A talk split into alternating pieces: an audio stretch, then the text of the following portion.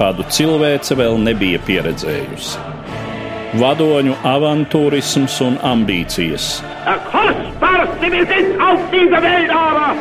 valsts vīru neizlēmība un ilūzijas, And here is the paper which bears his name upon it. arvien jaunas valstis ievilktas kara virpulī. The United States of America was suddenly and deliberately attacked. Nežēlīgi malti cilvēku un tautu likteņi. Lai dzīvo darba tautas draugs un ģeniālais vadonis biedrs Stalins! Otrais pasaules karš sarunās ar Eduardu Liniņu raidījumu ciklā Satumsums. Labdien, cienījamie klausītāji! Šodien mūsu sarunas tēma atkal ir saistīta ar Otro pasaules karu, bet šoreiz nevis ar notikumiem, kas risinās Latvijas tūmā, Eiropas austrumos, bet gan ar norisēm Eiropas rietumos 1940. gada pirmajā pusē. Un mans sarunas biedrs studijā ir Latvijas kara muzeja speciālists Valdis Kusmins. Labdien! Labdien! Tātad pirmām kārtām mēs runājam par to procesu, kas ieguvis tā sauktā dīvainā kara, vai vācieši to dēvē par zitskrīgu, sēdkara nosaukums. Tātad situācija uz Francijas un Vācijas robežas, kas iestājas 1939. gada septembrī līdz ar kara pieteikumu un turpinās pusgadu līdz pat uh, 40. gada maijam. 10. maijam, kad sākas kauja par Franciju. Nu, tā tad situācija, kurā patiešām uh, abas armijas, vācu un rietumu sabiedroto, pavada šo laiku lielākoties ierakumos. Iebrukums, no kura Vācija varbūt sākotnēji ļoti baidās, plašs franču un britu iebrukums Vācijas rietumu daļā, tā arī nenotiek. Kas ir tas galvenais iemesls? Pirmkārt, tas tāds ļoti plašs jautājums. Bet šeit uzreiz jāuzsver, ka šis dīvainais karš attiecās ne tikai uz Francijas, Vācijas pierobežu. Tas drīzāk bija jautājums par to, ko rietumu sabiedrotie tā arī nevarēja tikt skaidrībā, kā šo aktīvo, tieši aktīvo kara darbību vest. Karš formāli tika pieteikts, bet ko darīt tālāk? Un, ja mēs paskatāmies, ko Angļu un Franču augstākā kara padome savstarpēji sprieda savās tikšanās reizēs, septembrī, oktobrī, novembrī, tad mēs redzam, ka tur tika izskatīts daudz un dažādas schēmas, gan tur izsēšanās Saloniku un Stambulas tūmā, gan pēc tam bija Norvēģijas jautājums. Tur bija diezgan plašas diskusijas, ko bombardēt, ko nebombardēt, kā izmantot aviāciju. Kā izmantot jūras spēkus? Tas drīzāk bija jautājums ne gluži, kad mēs sāksim uzbrukumu, bet kā šis karš izskatīsies un kā šo aktīvo kara darbību vest. Jo sākotnēji jau pēc Francijas bruņoto spēku mobilizācijas sākuma. Francijas bruņotie spēki tādu slēpto mobilizāciju sāk jau 26. augustā, bet līdz ar kara pieteikšanu 1. septembrī sāk to veikt diezgan strauji varētu teikt, turpināja to pilnībā. Šeit var minēt, ka jau 7. septembrī sākās nu, tāda par ofensīvu to saukt, būtu diezgan pārspīlēti Zāras reģionā, kur mēģināja uzbrukt, tur ieņēma pāris ciematus, atstātas un kaut ko darīja. Pēc tam saprata, ka šie uzbrukumi ir jāpārtrauc, jo mobilizācija arī viņi tiks pabeigta, nu, tad tā būs lielākoties kānieku armija un ir jāpastiprina tanku ražošana, munīcijas ražošana un viss tas pārējais, kas netika darīts līdz otrā pasaules kara sākumam. Šeit mums jāņem vērā, ja mēs runājam par to, kādā stāvoklī atradās visu Eiropas valstu bruņotie spēki, tad neviena no šīm Eiropas valstīm nebija pabeigusi bēdīgi slaveno pārbruņošanos, ko teorētiski nekad nevar pabeigt. Bet visām valstīm kara laikā, un ja mēs lasām darbus par Vāciju, Lielbritāniju, Franciju, Itāliju, Padomju Savienību, vienmēr tiek uzsvērts. Viss būtu bijis labi, ja karš sāktos 43. tad gan mēs būtu pabeiguši visus šos savus darbus, nu tad gan mēs būtu spējīgi. Un tieši šis jautājums kļuva aktuāls 39. gada beigās. Tieši draudi ne Francijai, ne Lielbritānijai nebija, tad sākās šie plāni. Vajag vairāk tanku, vajag vairāk lielgabalu, vajag vairāk automašīnu. Tas nebija gluži palikšana ierakumos, bet tas bija tāds diezgan plašas politiskas diskusijas, kā tad šis, nu jau vairs ne nākotnes karš izskatīsies. Droši vien, ka tur sava loma ir arī tam, kāds izskatījās Pirmais pasaules karš Eiropas valstīm. Nu, vispirms šo valstu sabiedrībai bija ļoti bēdīgas atmiņas par šo karu, un šī kara rūgtākā mācība bija tā, ka sūtīt kainieku masas uzbrukumā pret pretinieka pozīcijām, ka tas reti kad vainagojas ar panākumiem.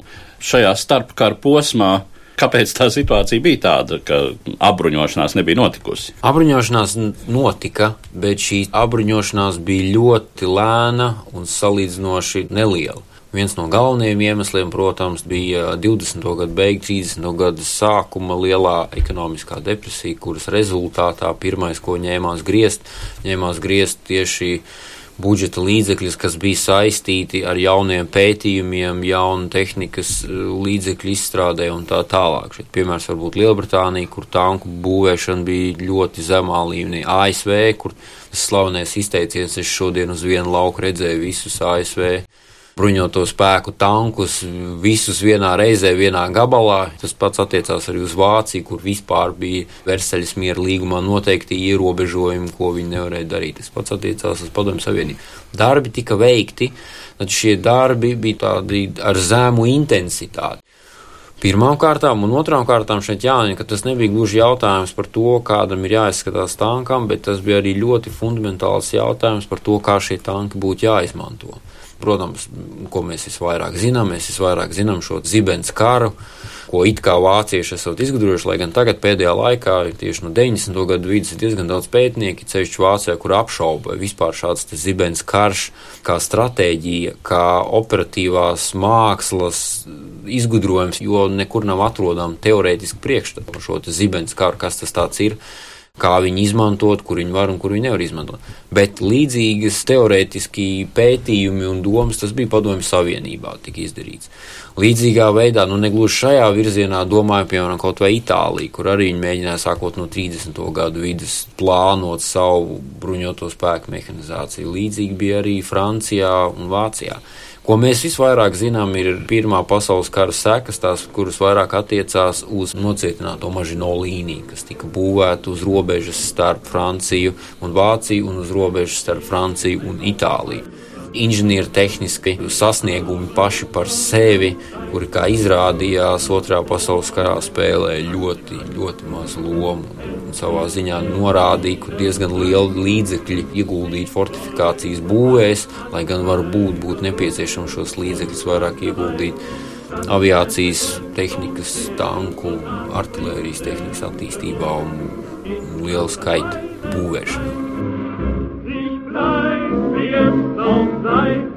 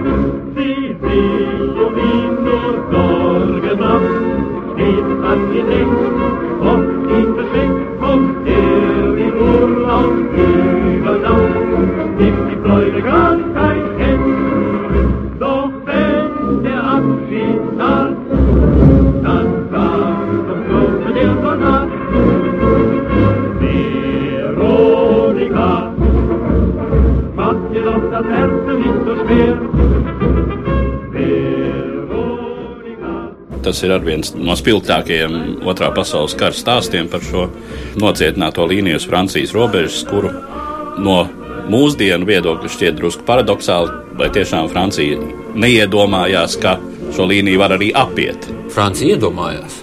Ja mēs runājam par šo pašu dīvaino karu un visām apspriedēm, un ja mēs runājam par Gamelēna plāniem pirms sākās pirms Francijas, visu 1939. gada ziemā un 40. gada pavasarī šie jautājumi tika apspriesti. Tika apspriesti daudz un dažādas līnijas, ko darīt ar Beļģijas un Holandas neutralitāti.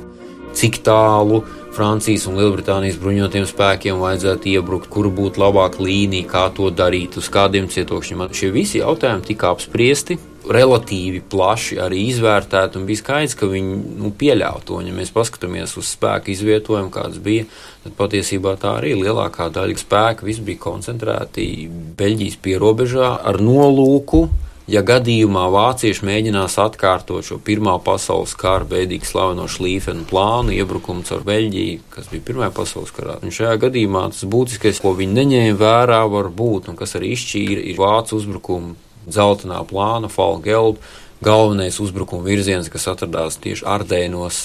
Ar galveno uzbrukumu virzienu Sedānas virzienā, cauri Ardēnu mežu masīvām, ar lielām motorizētām vienībām izlūkošana, varētu teikt, tā palaida garām šādu notikumu attīstības iespējamību, un tas radīja šādas problēmas. Bet, nu, runājot par mažino līniju, jā, šāda versija bija, ka visticamākais, ko darīs, ka mēģinās apiet, bet jautājums, ko darīt, kā ar to cīnīties, un tas jau bija tas, ko lēma pieņemtie lēmumi neatbilda reāli tam, kas notika. Te uzreiz parādās arī tas moments, ko jūs jau piesaucāt, nu, ko tad darīt, teiksim, ko Vācija no Anglijas un Francijas viedokļa darīs ar mazām neitrālām valstīm.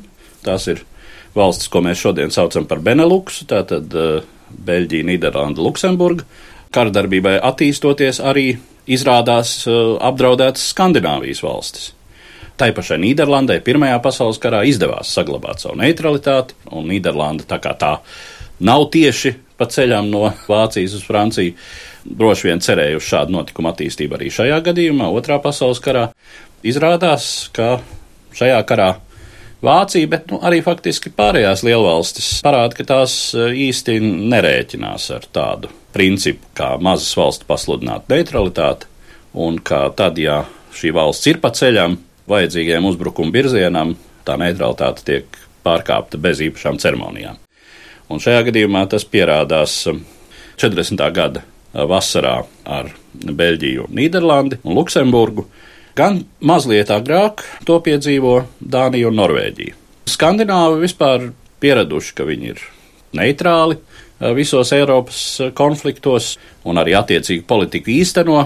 Dānijas gadījums laikam ir pārbaudas akmens vai lūzuma punkts Otrajā pasaules karā, kad tiešām visi saprot, ka neviens šeit negrasās rēķināties ar mazu valstu neutralitāti. Jo, lai nu kurš, bet Dānija nedod nekādu iemeslu, lai kāds tai uzbruktu, izņemot to, ka tā atrodas geogrāfiski tur, kur šāds uzbrukums ir iespējams gan no vienas, gan no otras puses.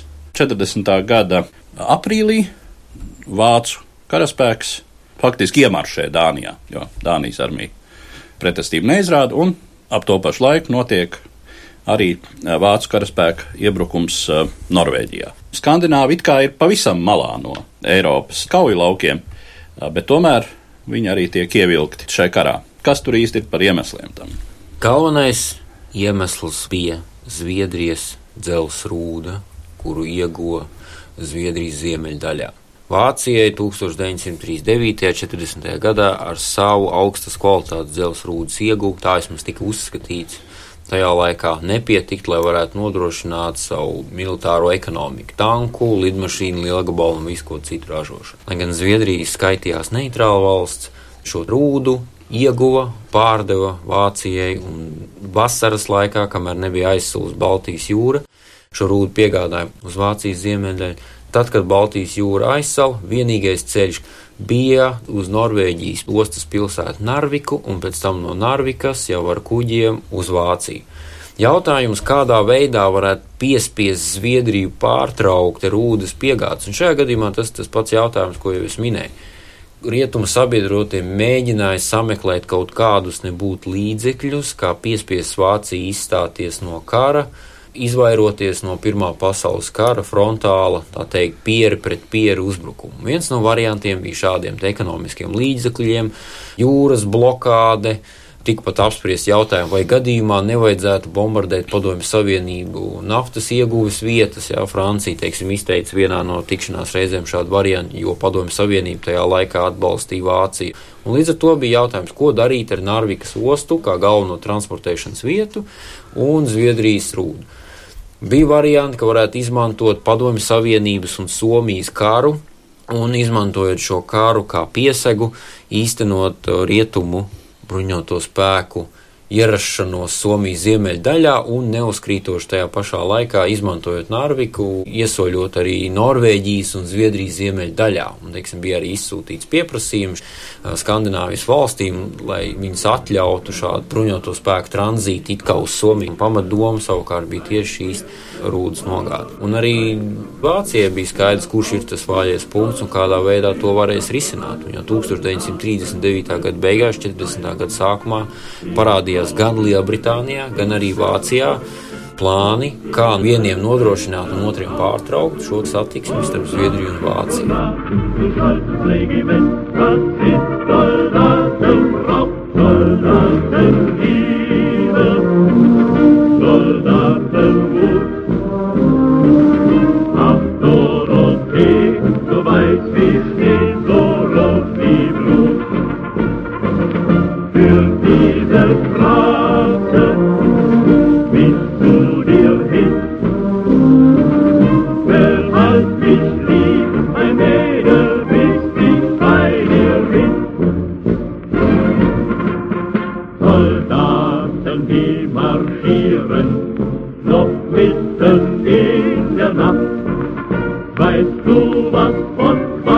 ihr Kamerad, ihm hat der Tag erwacht.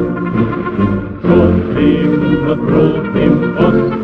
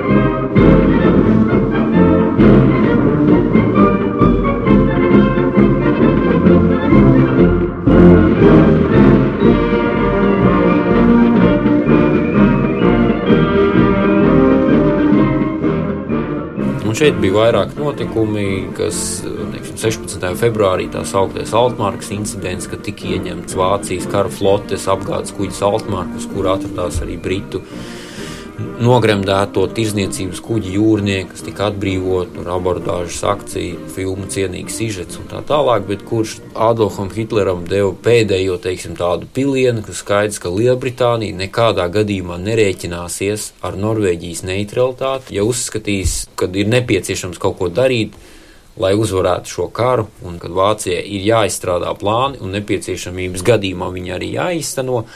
Ja Norvēģija nav neitrāla, tad mēs okupēsim Norvēģiju pirmie, pirms to izdarīs Briti. Te ir jāatzīmē tas, ka šis Altmarkas incidents notika Norvēģijas teritoriālajos Jā. ūdeņos. Jā, Norvēģijas teritoriālajos ūdeņos šis kuģis tika ieņemts. Un te jau, protams, ir jautājums, ko Norvēģijas teritoriālajos ūdeņos darīja Vācijas apgādes kuģis, kas izlikās par mierīgu tirzniecības kuģi, bet nu gluži tāds nebija. Būtībā kurš pirmais potenciāli otrai pusē bīstamās teritorijas pievāks? Tātad plāni bija abiem. Un te ir atkal jautājums, kā būtu gadījumā, ja Vācija Norvēģijā kaut kāda iemesla dēļ tomēr neiebruktu, vai Norvēģi pretotos, piemēram, Britu un Franču karaspēkam, kas tur izsēstos. Bet nu, šajā gadījumā Vācija izrādās veiklāka, ātrāka un katrā ziņā Norvēģijas dienvidu daļu 40. gada aprīlī dažās dienās arī dzen ieņem.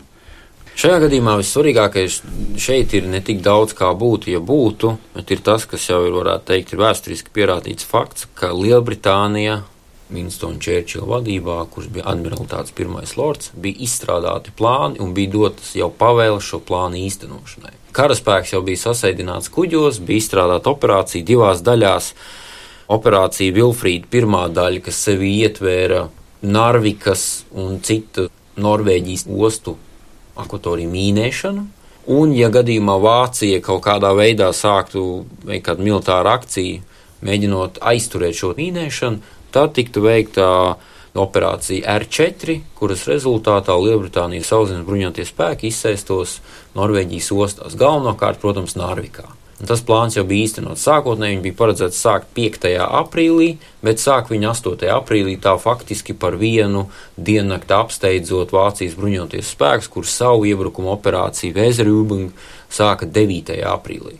Problēma bija tā, ka šī pirmā daļa, mīnēšanas daļa, kura jau gan bija sākta, bet īstenota tika par vēlu šī mīnēšanas daļa nespēja aizkavēt Vācijas bruņoto spēku izsēšanos Oslo rajonā, Trondheimas rajonā un citu Norvēģijas dienvidu apgabalu ostu rajonos, savukārt ļoti būtiski ietekmē Vācijas bruņoto spēku operācijas Narvikas rajonā. Jo šeit vācieši zaudēja kauju gaitā, tā pirmā un otrā Narvikas kauja un tā tālāk, tie viņi zaudēja desmit mīnu kuģus, un tie zaudējumi bija diezgan lieli līdz punktam, ka bija skaidrs, ka vienu vai divas nedēļas un Narvika varētu kapitulēt ar visiem tur nedaudz vairāk par 5000 tūkstoši esošiem vācu karavīriem. Un patiesībā šis plāns arī tika ar nelielām izmaiņām tika īstenots. Lielbritānijas bruņoties spēki izsēdās fjordos, mēģināja ieņemt Trondheimu, Narviku arī ieņēma. Kopumā vienā brīdī tie bija 25 tūkstoši sabiedrotie karavīri, kas atradās tajā skaitā arī poļu atsevišķā kalnu kājnieku brigāde un franču alpu strēlnieki ļoti labi sagatavotas karaspēku vienības. Tā, sabiedrotie šo plānu ar izmaiņām patiesībā īstenoja. Un šeit, kas ir arī ļoti svarīgi, ja mēs runājam par šo Skandināvijas eh, valstu kontekstu, tas ir kādā veidā šī lieta tika izskatīta pēc kara Nīderlandes tribunālā. Jo Nīderlandes tribunāls atzina, ka Vācijas iebrukums Norvēģijā nebūtu uzskatāms kā preventīva iebrukuma, un tas ir kā agresijas akts, kas atbilstoši Nīderlandes tribunālam tika uzskatīts par noziegumu, kas bija viens no punktiem. Šiem vīriem, kurus pakāra, viņiem tur pietikt arī bez tā, bet, no, bet viens no punktiem bija tas iebrukums Norvēģijā, kā neizprovocēta agresija. Kas protams, ir diezgan apšaubāmi. Nu, ja mēs skatāmies no šīs dienas viedokļa, ja, ja šodien mēģinātu kāds tiesāt to pierādīt vienalga, tad Eiropas vai, vai kādā savādākā, nu, tas nebūtu nekādu variantu, tur kādu notiesāt, protams. Neizprovocēt, varētu teikt, no Dāņu un Norvēģu puses, bet. Jā, no Dāņu un Norvēģu puses. Kas attiecas uz Dāniju, tad jāsaka, tur tā situācija atgādina mazliet mums zināmo slaveno teicienu, paliksim savā vietā. Nu, Dānijas gadījumā varētu teikt, ka e, līdz pat 1943. gadam, kad notika pilnīga Dānijas okupācija, viņi, nu, Dānija palika vairāk savā vietā, viennozīmīgi vairāk savā vietā nekā Latvijas gadījumā, kad Latvija okupēja Padomju Savienību. Dānijā saglabājās valdība, viņa Dānijā palika bruņoties spēki tādi, kādi viņi bija, nu, ar zināmiem ierobežojumiem. Pēc tam laika gaitā, protams, tas viss tika izmainīts. Šeit jau arī nevar teikt, ka galīgi bez asinīm, jā, tur bija arī kritušie Dānijas bruņoties spēki, ja nemaldos zaudēja 16 kritušos, 20 ievainotos, bija arī kaujas, vācieši zaudēja pāris bruņmašīnas.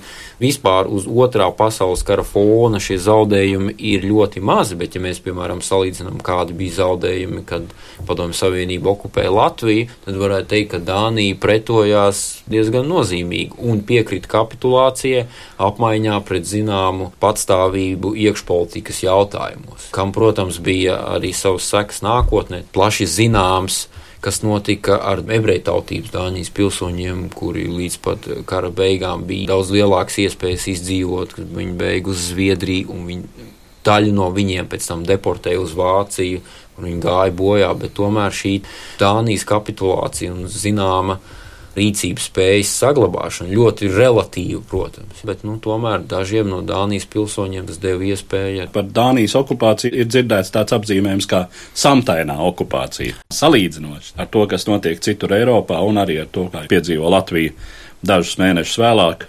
Dāņiem salīdzinoši veids. Ar Norvēģiem ir drusku citādi, jo Norvēģijas valdība kategoriski atsakās kapitulēt. Valdībai izdodas izbēgt no valsts arī karalim izveidot emigrācijas valdību Londonā. Norvēģijā jau līdz ar okupācijas sākumu sāk darboties aktīva pretošanās kustība, lai gan ir arī pretējā ievirze viens no slavenākajiem nacistu atbalstītājiem, Atbalstīt. kas ir kļuvis jau par savu veidu sugas vārdu. Jā. Kvislīgs, kurš ir visai ievērojams politiķis, labēji orientēts, kļūst par nacistu vietvaldi. Un jāsaka arī, ka Skandināvijas valstīs vispār šajā laikā ir diezgan liela sabiedrības daļa, kas ir tendēta drīzāk atbalstīt Vāciju un simpatizē nacistiem, bet nu, tā nav sabiedrības lielākā daļa, protams.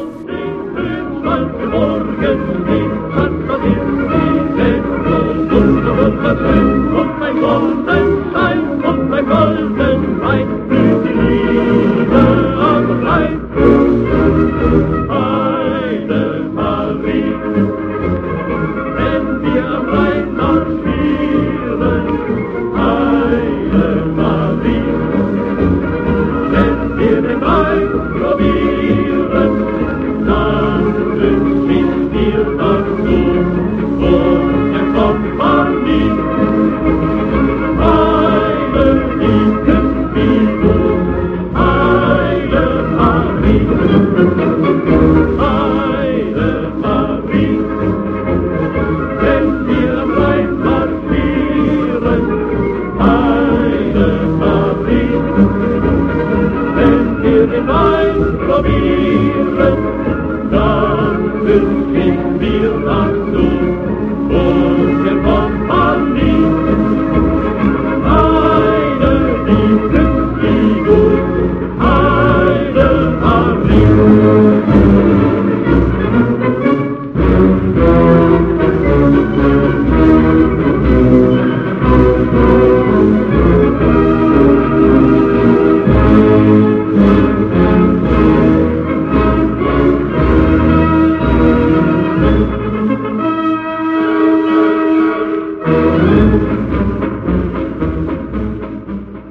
pēdējais jautājums, kāda šo Skandināvijas valstu okupācijai un vispār šim procesam, kāds tas iespējas varētu būt uz Latvijas tobrīd valdošo aprindu domām un situāciju. Nu, man ir tāda sajūta, ka tieši iebrukums Dānijā ir, kā jau teicu, tāds zināms pagrieziena punkts tieši Latvijas sabiedrībai, cik ir nācies varbūt kādos atmiņu stāstos lasīt nepārprotams signāls, ka ar mazo valstu tiesībām šeit šobrīd neviens nerēķināsies. Principā tā to varētu uzskatīt, bet no otras puses mums jārēķinās ar to, ko mēs šeit nevienreiz esam runājuši par to, kāda bija šo mazo valstu alternatīva. Visbūtiskākā atšķirība starp Dāniju un Latviju ir tā, ka Latvija nu, nevis vienkārši okupēja, bet Latvija pēc tam pievienoja Padomu Savienībai ko Vācija nu, karadarbības laikā neplānoja to darīt nec Dānijā, nec Norvēģijā. Un tā ir fundamentālā starpība. Jo viena lieta ir, ka valsts tiek okupēta, ka šeit darbojas okupācijas režīms, notiek karš, karš beigsies, un tad šī okupācija varbūt arī beigsies.